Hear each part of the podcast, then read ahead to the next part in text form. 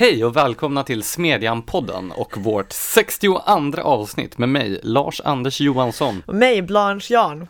Så vad ska vi tala om idag, Blanche? Om en chockhöjning av skatten på plastpåsar, om hur högerväljarna är den nya mitten och om det rökförbud som drabbar oss nästa måndag. Men eh, först veckans nyheter och dessförinnan vilka texter vi i övrigt har publicerat ja. i Smedjan trodde aldrig att du skulle fråga. Eh, det var inte en fråga. I veckan så publicerade vi ett eh, reportage eller en essä eller vad man ska kalla det, en lång text i alla fall av författaren Karin Stensdotter om den franska slöjdebatten och slöjförbudet i franska skolor med anledning av att Frankrike ofta används som exempel i de svenska debatterna om samma ämne. Precis. Eh, vi publicerade en debattartikel av Pamina Falk på Näringslivets medieinstitut om hur känslodriven journalistik skadar mediernas rykte apropå mindre seriös eh, rapportering kring framför allt vårdfrågan. Och så har vi en recension som Caspian Rebinder har skrivit av nationalekonomen Joakim Ruists bok Global migration så mycket godis för läsarna att hitta på vår sajt. Precis, och sen så har vi ju naturligtvis de texter som handlar om eh, de ämnen vi ska diskutera i det här avsnittet av podden. Men innan vi tar oss an dem så kan vi väl ta oss an veckans nyheter. Och eh, en av de stora politiska nyheterna är att eh, alla andra kandidater har dragit sig ur kampen om partiledarskapet i partiet som kallar sig Liberalerna. Alltså alla utom Nyamko Sabuni. Precis. ja, eh, nej men det har hänt. Så det blir alltså Nyamko Sabuni. Ullenhag drog sig ju ur efter att, eh, eh, vad heter det, valberedningen eh, gått ut och nominerat Nyamko Sabuni, vilket jag tyckte var lite överraskande. Var det inte väldigt ofolkpartistiskt av valberedningen att lyssna på vad medlemmarna i partiet tyckte och ja, tänkte? Trots att de själva har så mycket mer, vad var det, klokskap och erfarenhet? Ja, det var, det var chockerande och markerade förmodligen slutet på, på det här. Men det har ju varit många spännande saker kring, eh, kring den här partiledarstriden. Eskilstuna-Kuriren då, som har endorsat Erik Ullenhags kampanj, eh, publicerade ju häromdagen en spännande konspirationsteori. Älskar sådana. Där det då var eh, PR-konsulten eh, eh, Johan Jakobsson och och eh, gamla Timbrochefen Marcus Uvell som på något sätt skulle ha dragit i trådarna bakom kulisserna för att få till eh, då valet av Nyamko Sabuni. Men det här har ju fått en ny vändning sedan då den gamle folkpartiveteranen Carl B Hamilton nu trätt fram ur skuggorna och berättat att det i själva verket är han som har bekostat den här opinionsmätningen som Eskilstuna-Kuriren kokade hela sin soppa på. Det är en fantastisk grå eminens det där. Ja, och framförallt så häpnar man ju över att det har visat sig att det är Carl B Hamilton som utgör det stora hotet mot socialliberalismen som Eskilstuna-Kuriren då varnar för. ja, men så här, det här är ju väldigt bra för uh, Liberalerna och dem som vill ha Liberalerna i riksdagen eftersom Att Carl B Hamilton har trätt, ut som, trätt fram som en konservativ fyrbåk. Exakt, för vem vill inte ha honom som mannen bakom rodret? Nej men uh, Nyamko Sabuni var ju det mer rimliga av de båda alternativen. Och jag tror det är väldigt bra för Liberalerna att det blir just Nyamko Sabuni. Jag trodde att vi hade kommit överens om att Smedjans linje var att endorsa Johan Persson. Jo, men han drog ju sig ur. Men, eh, vad tänkte jag säga? jag trodde du skulle svara på den. jag vet faktiskt inte vad du tänkte säga. jo okej, okay. vad som stör mig lite i det här sammanhanget är hur många eh, som egentligen står väldigt långt höger om Liberalerna, som tycker att Nyamko Sabuni är så fantastisk och kommer leda partiet i en superrimlig riktning, när hon senast, just efter valet, skrev på, jag tror det var Dagens Industris debattsida, att hon vill ha Annie Lööf som statsminister. Never forget, never forgive. Ja, det är lite märkligt. Jag trodde att alla partier ville ha den egna partiledaren som statsminister. Men hon ville alltså hellre ha Annie Lööf än Jan Björklund som statsminister. Ja, och Annie Lööf påstod ju att hon ville ha Ulf Kristersson som statsminister. Så det, det hela är lite förvirrat. Förvirringen är total. Men överhuvudtaget är inte det här ett uttryck för en ganska tröttsam tendens i samtiden? Det vill säga att en massa personer utanför respektive partier har synpunkter på vem som ska leda respektive parti. Jag menar, Eh, det, var ju, det är ju massor med sossar som har engagerat sig i den här frågan och är jätteupprörda nu över att det blir Sabuni eftersom hon uppfattas som ett högerspöke. Men sossar har väl inte med den saken att göra egentligen, eller? Alltså det är lite löjligt när någon från ett helt annat block börjar lägga sig i en partiledarstrid, men den som har väljare som står och väger mellan ett parti och det egna partiet kan väl rimligtvis vilja ha synpunkter på vem som blir partiledare där. Men alla dessa högerpersoner som nu gläds åt att Liberalerna väljer Sabuni, tror du att de kommer att gå till Liberalerna nu? Alltså någon kanske gör det. Alltså det viktigaste för Liberalerna borde väl vara att välja en partiledare som Liberalerna är, är bekväma med. Fast är Liberalerna bekväma med något någonsin? Ja, där tycker jag att Viktor Bart Kron, han, eh, han skrev ju en analys av detta, att om Liberalerna tittar ner i djupet av sin folkpartistiska själ så kommer Erik Ullenhag förr eller senare att vinka tillbaka. Hur skulle det vara någonting bekvämt? ja. ja, eh, fler goda nyheter då. Sverige har förlorat kampen om vinter-OS 2026 mot eh, Milano. Ja, Smedjans tankar går givetvis till de italienska skattebetalarna och deras anhöriga som nu kommer att drabbas av detta. Det är ju annars väldigt sällan en svensk skattebetalare har anledning att fira, men eh, jag tycker att vi låter bli det här eftersom man ju inte ska glädjas åt att andra drabbas av svåra saker. Och det är endast 10 miljoner som har kastats i sjön på den här ansökan vad jag förstår. Ett billigt pris att betala för att se Anna König Järlmyr framträda till ABBA. Det mest fantastiska dock, tycker jag, med ansökan, det är ju de här formuleringarna som har figurerat i sociala medier om att Sverige är en sån fantastisk vinternation och att vi har 50 olika ord för snö samt att vi sitter och dricker glögg i bastun. Det där är jättemärkligt. För det första, vem dricker varm dryck i en bastu? För det andra, okej, okay, snö, snöslask, snöhelvete, vad har vi sen? Nej, jag, jag vill ha namn. Jag vill ha orden i en lista. Ja, eh. så eh, vi kan väl uppmana våra lyssnare att eh, höra av sig och tipsa om vilka är de här 50 svenska orden för snö. Den och, som kommer på flest vinner en Smedjan-tröja. Precis. Den som kommer på 50 vinner en Smedjan-tröja. Okej. Okay. Ja. Eh, fler nya Fler nyheter, positiva nyheter. nyheter vi har ovanligt många den här gången. Men, ja, eh, Rinkeby är inte längre en no-go-zon, ah, åtminstone inte för ordningsvakter Rinkeby i tunnelbana. tunnelbana är inte längre en no-go-zon. Så förra året så rödmarkerade SL eh, ett antal tunnelbanestationer kring Järvafältet på grund av all, alla hot och all misshandel mot spärrvakter, ordningsvakter och näringsidkare. Eh, man övervägde att stänga Rinkebystationen helt, men nu behöver alltså inte längre ordningsvakter, biljettkontrollanter och liknande ha poliseskort när de utför sitt arbete på stationen. Så det rör sig framåt i vissa delar av Sverige. Vad är det man har gjort då för att åstadkomma detta? Ehm, det är något stort samarbete mellan staden, och operatören, och ordningsvakterna och polisen, men jag tror att det primärt handlar om att det har varit tillräckligt mycket polisnärvaro för att få ner eh, våldsbrott och personrån och narkotikaförsäljning. Inte få bort, men ändå få ner det till sådana nivåer att vanliga människor kan använda tunnelbanestationen. Eller åtmin åtminstone att ordningsvakter och biljettkontrollanter kan använda tunnelbanestationen. Nu måste bara alla passagerare ha poliseskort. Och det här kommer nu alltså att leda till att man drar ner polisnärvaron igen? Eh, ja, antagligen, så att eh, knarkförsäljningen kan komma tillbaka dit. Ja, och sen har då våra vänner på den socialdemokratiska tankesmedjan Tiden gjort ett utspel också och den här gången är det om arbetskraftsinvandring.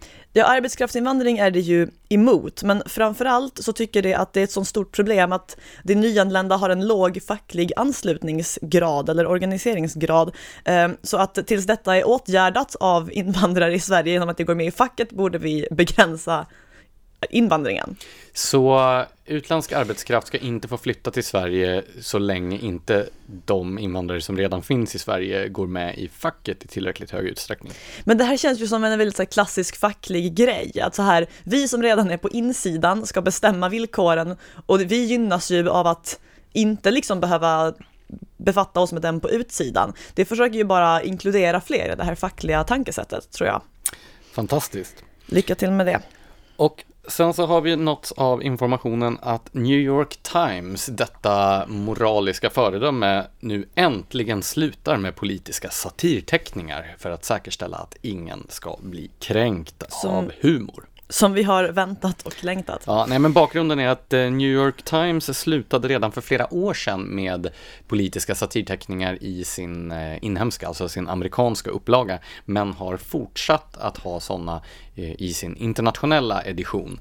Men för en tid sedan så var det en satirteckning som föreställde då Benjamin Netanyahu som en slags ledhund eh, som ledde en blind Donald Trump och eftersom då eh, Netanyahu är Israel och jude så uppfattades det här som en antisemitisk satirteckning och då blev människor kränkta och då tog New York Times det säkra för det osäkra och bestämde sig för att sluta med politiska satirteckningar överhuvudtaget.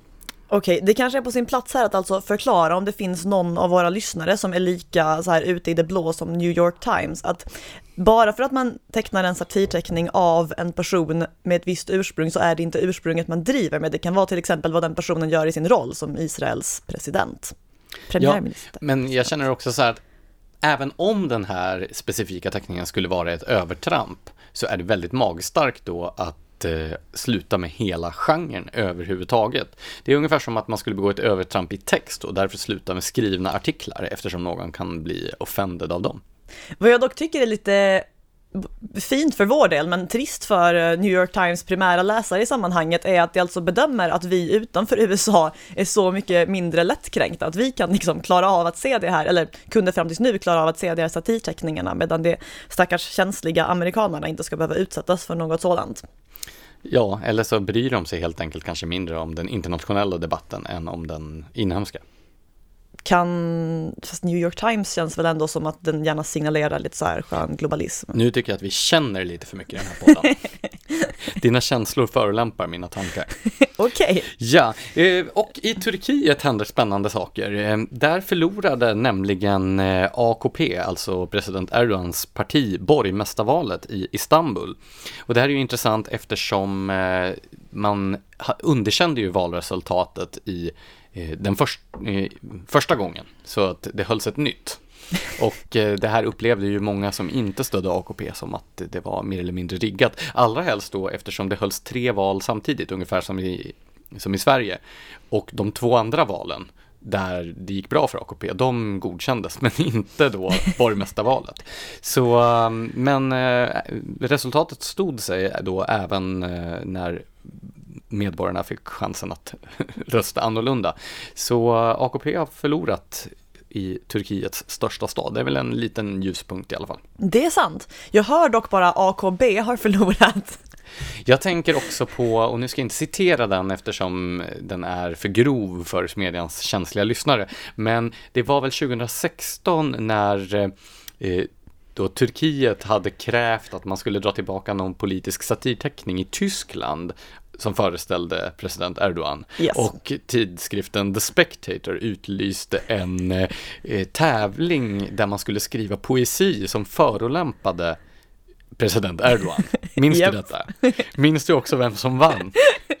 Visst var det Boris Johnson? Ja, det alltså, var... det är så himla bra. Väldigt fint och opartiskt av dem också att välja sin egen före detta chefredaktör som vinnare. Men jag tycker det var en, ett värdigt poem. Ja, så jag uppmanar alla Smedjans inte lättkränkta lyssnare att eh, söka på internet efter Boris Johnsons vinnande bidrag. Det är en jätte, jättefin fin eh, eh, limerick faktiskt.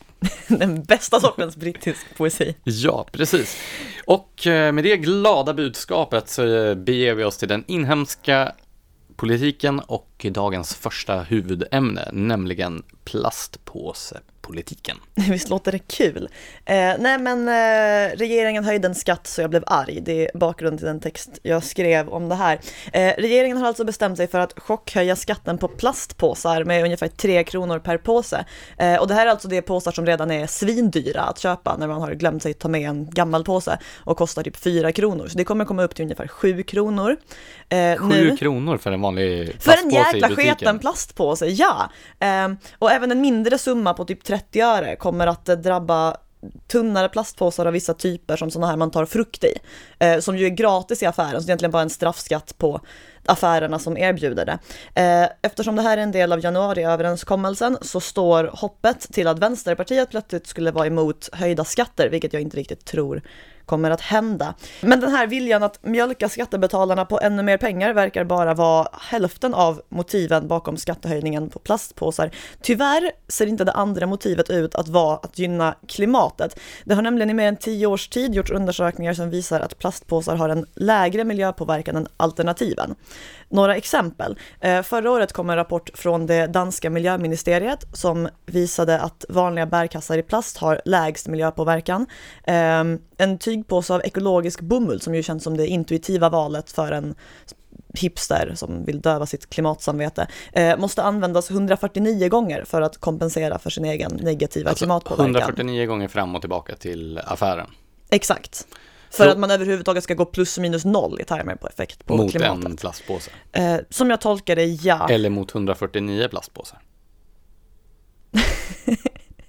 jag tror mot 149 plastpåsar. Ja. Ja. Eh, 2006 redan så publicerade den brittiska miljömyndigheten en studie som visade att en bomullspåse måste användas 131 gånger. Du ser, det är ändå lite mindre. Fast det här innebär ju snarare att liksom plastpåsarna blir bättre eller bomullspåsarna blir värre. Med tanke på att det här är en tidigare studie. Mm. Um, och 2010 så gjorde konsultföretaget Denkstat en undersökning som visade att om man byter ut all plast som används inom EU mot andra material så skulle avfallsvolymerna bli fyra gånger så höga. Alltså fyra gånger så höga är väldigt, väldigt mycket om vi snackar avfallsvolymer. Dessutom så skulle utsläppen av koldioxid öka med 61 procent. Men nu så går du ju emot de här eh, miljöaktivisternas känslor med dina fakta här. Okej, jag tar genast tillbaka allting och stödjer skattehöjningen. Jag kan ju säga att jag har ju haft glädjen att bevaka Miljöpartiets kongress ett antal gånger och det är väldigt många tygpåsar där. Jo, jag kan tänka mig det. Men jag vet inte riktigt om jag tror att de alla har använt den 149 gånger per person. Nej, vi får ta och fråga dem nästa gång som de håller kongress. Ja. Varför har man då genomdrivit den här eh, straffbeskattningen om den är så värdelös eller till och med kontraproduktiv? Alltså, för det första så vill de väl helt enkelt ha våra pengar som vanligt, men för det andra så är det ju någonting som jag tror att den som kommit på att genomföra den här skatten känner skulle gynna den röda regeringens gröna imagebygge.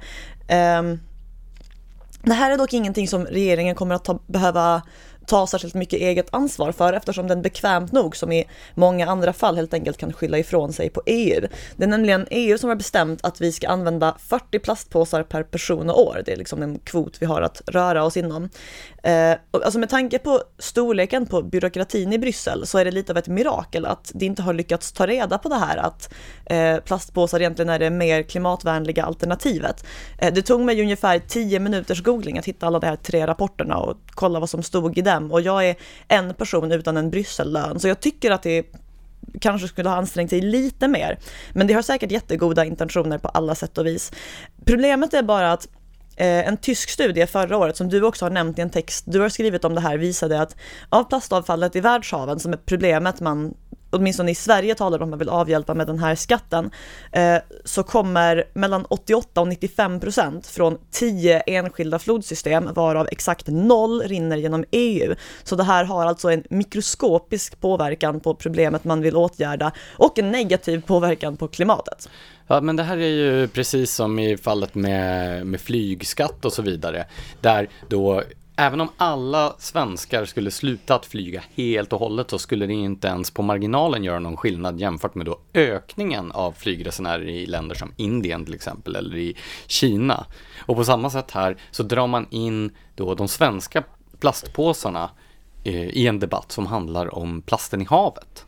Fastän det är väldigt, väldigt osannolikt att det är svenska plastpåsar som flyter runt i Stilla havet. Jo men man tänker väl sig att Kina ska titta på Sverige och bara wow, det är jättedyrt för era medborgare att köpa plastpåsar. Vilken, vilket föredöme, så vill vi också ha det. Ja, sannolikheten känns väl ungefär lika stor som att Indien kommer att rätta sig efter det svenska exemplet. Eh, där rekommenderar jag Asle Tojes reportage om eh, Indiens klimat politik som vi hade för en månad sedan ungefär. Precis, och hur bara själva tillväxten i Indien riskerar att nollställa resten av världens klimat och miljöåtgärder Ja, alltså inte bara de ett bräde. svenska åtgärderna utan resten av världen utanför Indien. Ja, ehm, Jo då, så att. så lycka till med det. Alltså själv blir jag ju nästan lite sugen på att öka min plastanvändning jättemycket. Jag tycker inte ens om plast som material, men alltså ju mer det försöker hindra mig och så här, styra mitt beteende, desto mer vill jag bara bada i plast. Ja, jag är ju kanske inte, jag har inte den ryggmärgsreflexen. Jag gillar ju inte heller plast och undviker helst plast om jag kan, men inte av de här skälen, för det verkar ju helt dumt.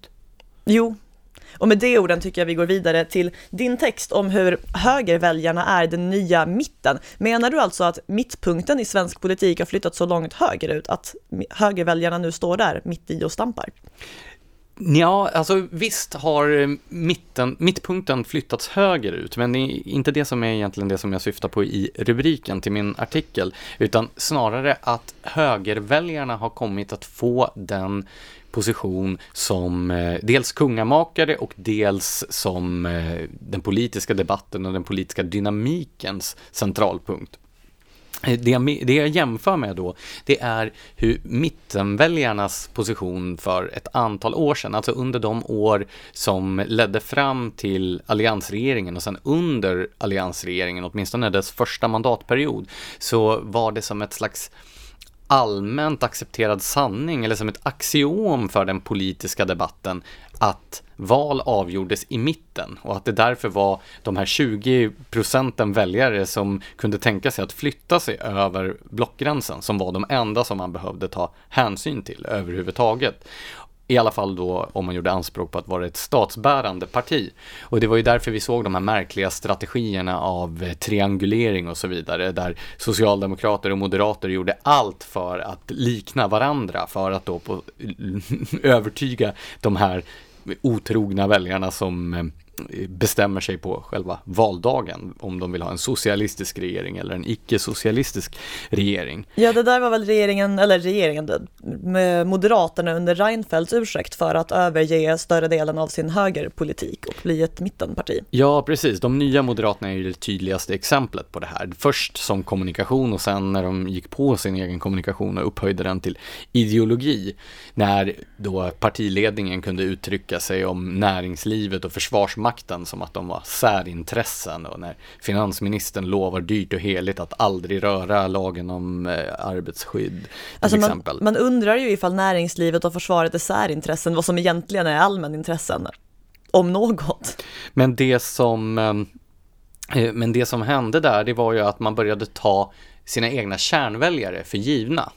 Eftersom de enda som man behövde bry sig om var mittenväljarna. Ja, kärnväljarna har ju ingenstans att fly eftersom det bara finns alternativ längre in mot mitten. Ja, och sen när det politiska landskapet nu har förändrats på en rad olika sätt. Dels genom att nya konfliktlinjer har dykt upp som har löst upp den gamla blockpolitiken. Dels genom att alliansen har splittrats och kanske då framförallt genom att Sverigedemokraterna på grund av de här andra faktorerna har fått ökande betydelse och växt i storlek så har ju det då gjort att den här politiska mitten har blivit mer och mer irrelevant. En sista dödsryckning från den politiska mitten var ju alltså eh, januariavtalet där då Centerpartiet och Liberalerna som ju identifierats som mittenpartier sålde sig i mina ögon åtminstone ganska billigt till Socialdemokraterna.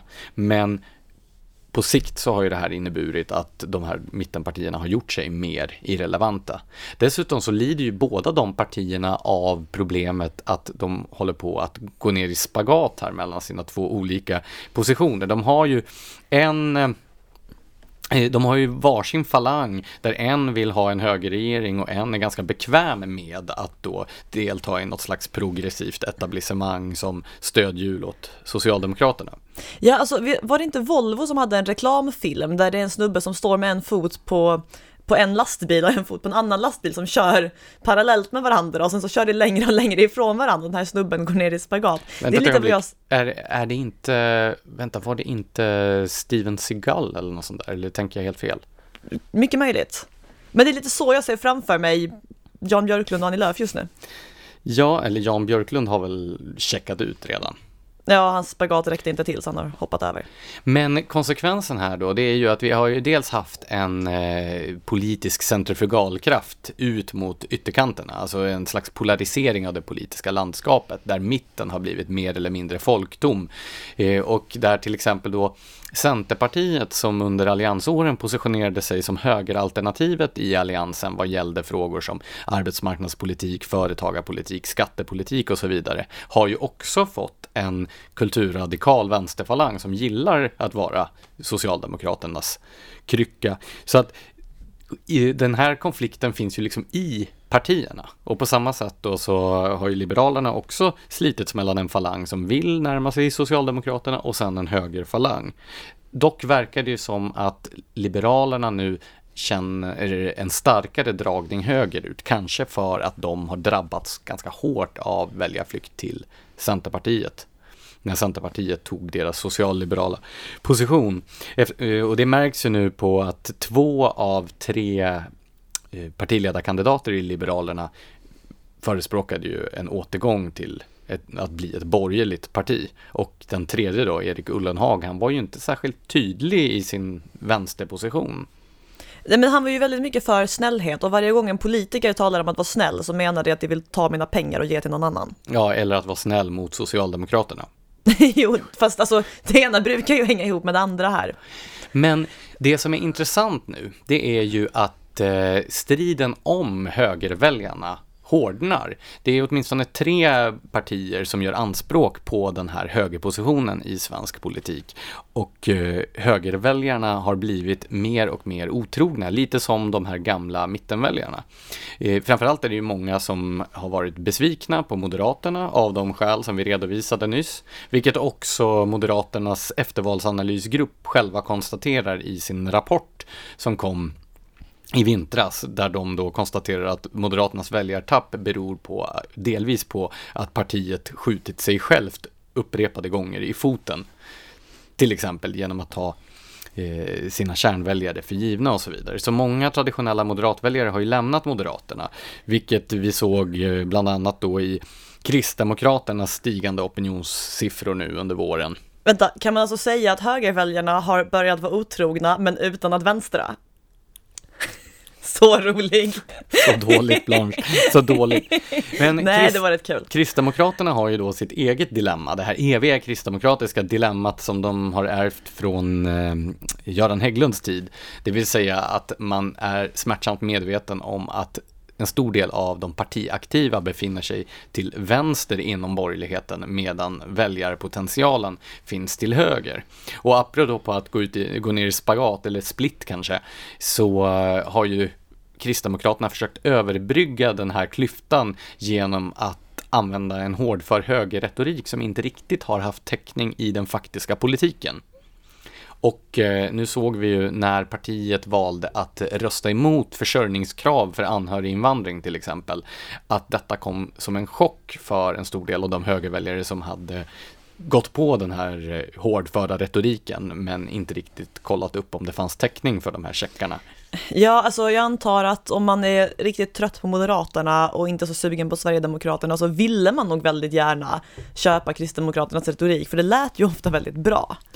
Men högerväljarnas ökande betydelse som gör nu att vi har ett antal partier som tidigare placerade sig till vänster om väljarkåren som nu gör sitt yttersta för att eh, fånga upp högerströmningarna, det beror ju på att den svenska väljarkåren i decennier har, visserligen sakta, men ändå en tydlig tendens, rört sig högerut. Och det handlar dels om att nya generationer är mer höger än de tidigare, men också att varje generation har blivit lite mer höger, om man får tro som institutets mätningar från Göteborgs universitet. Alltså i takt med att den blivit äldre? Ja, precis. Men eh, Socialdemokraterna är ju fortfarande starkast hos de, eh, de äldsta väljarna och är ju nu framför allt en angelägenhet just för sista gångsväljarna. Alltså det där ordet är så morbid. Jo, men det är ju så att eh, Socialdemokraternas väljarbas håller ju de facto på att bokstavligen dö ut. Och deras försök att skapa en ny väljarbas genom ett slags sån här bidragsfinansierad klientpolitik i utanförskapsområden har ju inte varit så pass framgångsrik ändå. De har ju en väldigt ålderstigen eh, skara väljare. Samtidigt då som eh, Moderaterna är största parti bland eh, förstagångsväljare. Kristdemokraterna var större i höstens val än vad Miljöpartiet var och Miljöpartiet brukar alltid framhållas av äldre människor som det unga och hippa alternativet. Så. Jo, men nu när Gustav Fridolin har slutat vara språkrör så kanske den här ungdomsvibbarna har försvunnit bort lite. Jag men har inte. Gustav Fridolin någonsin varit hipp? Eh, alltså jag tror jag är fel person att bedöma det. Hur som helst, det första parti som drog fördel eller som uppmärksammade den här högervridningen av väljarkåren var ju Sverigedemokraterna som då skickligt fångade upp många av de frågor som Moderaterna släppte under sin vänstervridning under eh, alliansåren eh, och som det, eh, ja, ganska flexibla populistparti kanske någon skulle säga, som Sverigedemokraterna är, så identifierade de lediga positioner och tog dem. Ja, så i ekonomisk politik brukade ju Sverigedemokraterna, för vad som inte var så himla länge sedan, simma runt där i den fackliga mitten liksom. Ja, absolut. Alltså, fram innan valet 2010 så hade ju Sverigedemokraterna en arbetsmarknadspolitik som i praktiken var kopierad rakt av från LO.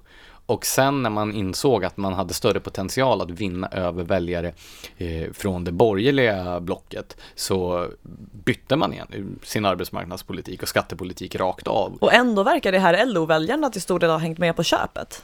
Ja, och det här är ju intressant. Alltså, Sverigedemokraterna är ju ett parti som kommer från ett helt annat ideologiskt håll än vad borgerligheten gör.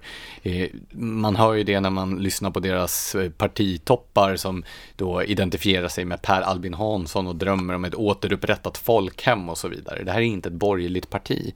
Men eh, till en början så anpassade man ju sig för att locka över borgerliga väljare. Men med åren så har ju Sverigedemokraterna också i sakpolitiken blivit mer och mer av ett högerparti. Och Sverigedemokraternas väljare identifierar ju sig i huvudsak som höger. Det som också är intressant, det kanske mest intressant här med eh, den här väljarströmmen, det är att de väljare som eh, har gått från Socialdemokraterna till Sverigedemokraterna, vilket är en ganska stor grupp, de uppger Alltså dubbelt så många av den gruppen uppger Moderaterna som sitt andrahandsalternativ jämfört med hur många som uppger Socialdemokraterna som sitt andrahandsalternativ. Så socialdemokrater som går till Sverigedemokraterna gör det inte bara i en protest mot S, utan de har rört sig även högerut. Och det här verkar ju vara en irreversibel process. Då är det ju bara synd att Socialdemokraterna alltid lyckas klamra sig fast vid makten ändå med hjälp av diverse andra partier så att det inte får något genomslag i regeringspolitiken. Så vi ser ju nu här hur eh, det är kampen om högerväljarna som formar det nya politiska landskapet under den eh, innevarande mandatperioden. Vi ser en hårdnande kamp här mellan Moderaterna som vill vinna tillbaka sina gamla kärnväljare och då återgår till mer traditionella moderata ståndpunkter. Kristdemokraterna som har profilerat sig som ett konservativt parti men inte riktigt lyckats förvalta i sin eh, egen kommunikation. Vi har Liberalerna som eh, av allt att döma väljer en mer högerorienterad linje i, i och med valet av Nyamko Sabuni och vi har ju Sverigedemokraterna som fortfarande försöker locka högerväljare. Men kan man inte tänka sig att mittenväljarna fortfarande är relevanta, eller kanske till och med blir mer relevanta för partierna till vänster om mittlinjen? För att om högerpartier flyttar sig längre högerut, så kanske det lämnar efter sig några personer i mitten. Så finns det några mittenväljare kvar egentligen? Alltså det verkar ju som att eh, eh, de här två gamla mittenpartierna, Liberalerna och eh, Centerpartiet, de är ju uppdelade i en falang som känner sig väldigt höger och en falang som känner sig väldigt bekväma i knät på Socialdemokraterna. Jo, men då blir ju finnas... mittpunkten inom den på något vis. Ja, men det verkar ju inte finnas några mittenväljare i de här partierna, utan det finns två falanger som inte är mittenväljare. Okej. Okay. Kampen om eh, högerväljarna ska vi antagligen få anledning att återkomma till här i Smedjan-podden framöver. I alla fall. Och på tal om att återkomma till saker jämt och ständigt så har jag skrivit mer om rökförbudet. Ja, och det träder nu i kraft på måndag. Men det, du skrev ett reportage i veckan där du talade med berörda parter och det verkar som att ingen riktigt har koll på vad det här förbudet de facto innebär, hur det ska implementeras och vad det ska få för konsekvenser. Ja, och det är ju lite problematiskt. Alltså jag har ju tidigare skrivit en hel del om hur det påverkar eh, det stackars rökare som har oturen att befinna sig på svensk mark. Men nu försöker jag istället titta på hur det kommer att påverka eh, de drabbade näringsidkarna och det visar sig vara minst lika illa. Eh, rökförbudet kommer alltså att gälla vid eh, eh, vid perronger, busshållplatser, idrottsplatser, lekplatser, entréer till allmänna utrymmen och det räknas alltså till exempel butiker in eh, samt vid uteserveringar. Och den som är ansvarig för att upprätthålla rökförbudet, ofta då mot sin egen vilja, är den som driver uteserveringen eller butiken eller vad det nu är. Eh, problemet är att det inte riktigt har fått reda på exakt vad det är det ska upprätthålla. Eh, om man har en uteservering så är det ju rätt ofta klart var uteserveringen är och vad som är utanför uteserveringen. Men har man en butik, då är den tydligaste information de har fått att man inte ska få röka inom ett par meter från entrén. Och hur det sen ska tolkas är ja, en tolkningsfråga. Kommunerna är tillsynsmyndigheter eh, för att rökförbudet efterföljs och eh, Stockholms kommun har inte givit näringsidkare i Stockholm några tydligare riktlinjer än de här ett par metrarna. Eh, men det beror i sin tur på att Stockholms kommun inte har fått några riktlinjer från Folkhälsomyndigheten. Folkhälsomyndigheten har däremot fått 8 miljoner kronor för att informera om förbudet, men givit hälften till organisationer som jobbar förebyggande med att minska tobaksbruk, vilket jag misstänker är en eufemism för antitobakslobbyn. Men där går jag bara på känsla. Varför blir det alltid så här? Så fort någonting ska ske så delas det ut skattemyndighet, äh, eh, skattemiljoner miljoner till eh, olika organisationer i det så kallade civilsamhället som ägnar sig åt politisk propaganda. Ja, varje gång. Och det är aldrig propaganda man gillar heller, utan det är alltid den som vill förbjuda någonting. Ehm, så i brist på bättre information än så har en del kommuner tagit ganska radikala beslut. Eh, Umeå, som ju alltid ska vara värst, har bestämt sig för att göra hela innerstan rökfri. Och sen som om det hela vore en gigantisk skolgård så kommer det sätta ut några enstaka rökrutor där rökarna kan stå medan kommunpolitiker kastar ruttna ägg på dem eller någonting. Men blev inte det där... Eh, det är överklagat. Ja, precis, eh, så... så vem vet. Eh, men vad argumentet var var helt enkelt att det blev för besvärligt att hålla reda på det här lapptäcket som skulle uppstå mellan tillåtna och förbjudna zoner. Alltså, tänk till exempel en gågata med lite uteserveringar och lite butiker och så har man det här ett par metrarna. Alltså det blir ju väldigt jobbigt att försöka räkna ut var de stackars människorna som röker får stå. Um, men okej, okay, det är alltså den som driver uteserveringen eller butiken som ska se till att ingen röker. Kommunen ska se till att det här efterföljs.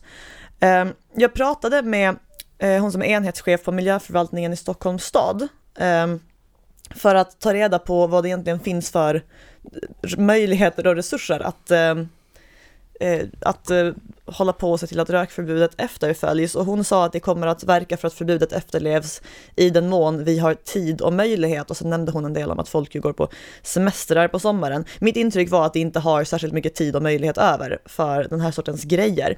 Eh, sen hörde jag av mig till polisen för den kan komma att kopplas in ifall en eh, restaurangägare försöker få en rökare att gå och rökaren vägrar.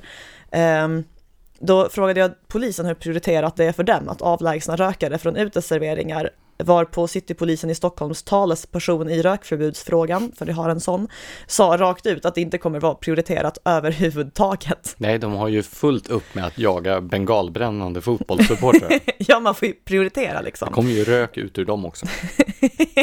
ja, men vad den här ur polisen... Ur bengalerna alltså, inte ur fotbollssupportrarna. Jag är jätteglad att du är tydlig med det här. Har du något mer du vill säga på temat eller ska vi gå vidare? Vi går vidare. Okej, okay. Eh, så vad den här polisen också sa som var intressant är dock att det inte ens är självklart att den som röker på en uteservering kan avvisas på grund av det, som jag tolkade det. Eh, för att, för att polisen ska avvisa någon måste den personen ha stört den allmänna ordningen. Ehm, och det enligt min tolkning är ingenting man per automatik gör om man röker och ingen i området stör sig på det. Däremot så kan ju förstås kommunens inspektörer fortfarande dyka upp och eh, jävlas med den som driver verksamheten eftersom någon har fått röka. Men till det här kommer också att problemet för andra verksamheter än klassiska butiker och restauranger om möjligt är ännu större. Eh, en kategori som vi har ungefär 100 stycken av i Sverige är vattenpipa-haken där ju själva verksamheten går ut på att man går dit och så sätter man sig där ute och röker vattenpipa. Eh, det blir ju rätt svårt för många av dem att överleva nu när det i praktiken förbjuds. Eh, ett annat problem har drabbat eh, den sortens festivaler som låter sina besökare dricka på hela området. För då har myndigheterna bestämt sig för att hela området därmed är eh, föremål för utskänkningstillstånd och räknas som en uteservering. Och du hade talat med eh, Uppsala Reggae-festival, eller hur? Ja, jag tänkte att eh, där kanske man röker cigaretter. Så eh, jag hörde av mig till dem och frågade, och det är just en sån här festival som har ett helt utrymme där man får dricka utan att det liksom är avgränsat. Och alltså ska man inte få röka någonstans på hela festivalområdet som det här ser ut. Nu har det ungefär en månad på sig efter att förbudet trädde i kraft att lösa det här inför att festivalen blir av. Eh, och han jag talade med lät ganska uppgiven. Jag frågade om någon någonsin har efterfrågat ett sånt här rökförbud som besökt reggae-festivalen och då sa han nej. Sen frågade jag en restaurang i Årsta om någon där någonsin har efterfrågat en rökfri uteservering och han sa också nej. Och det här verkar vara lite av en, eh, en återkommande grej, att vi har en situation där staten tvingar företagare som inte vill upprätthålla ett förbud, som deras kunder inte efterfrågar, att göra detta eftersom polisen och kommunen annars kommer att behöva lägga resurser de inte har på att avstyra brott utan offer. Och jag är så trött på det här landet. Och vad som också gör mig irriterad är att så här, den här ryggmärgsreflexen som jag har, eh, att om någon försöker hindra mig från att göra någonting så vill jag per automatik göra det. Det skulle ändå behövas lite mer av den i det svenska folket. Alltså, finns det liksom ingen gräns för hur mycket bullshit man tolererar från överheten innan man bara får nog? Du menar att svenskarna borde bli lite mer franska? Ja, gå ut och bränn bildäck mot rökförbudet. Ja. Nej, men alltså, Nej, men det måste med. väl ändå finnas någon sorts sund mellanting mellan fransoser och svenskar. Så Edvard Blom var ju inne på det när vi hade honom som gäst här i podcasten, att eh, svenskar tycker om att bli förnedrade av överheten på det här sättet. Ja, men vad man... är det för politisk masochism? Ja, och att döma också av de kommentarer som alltid dyker upp i kommentarsfälten när den här frågan diskuteras, vilket ju har skett i Smedjan vid ett antal tillfällen, så är det ju, alltså det finns ju en kategori människor där ute som verkar ha det som sin absolut viktigaste och mest prioriterade fråga att människor inte ska få röka på utserveringar.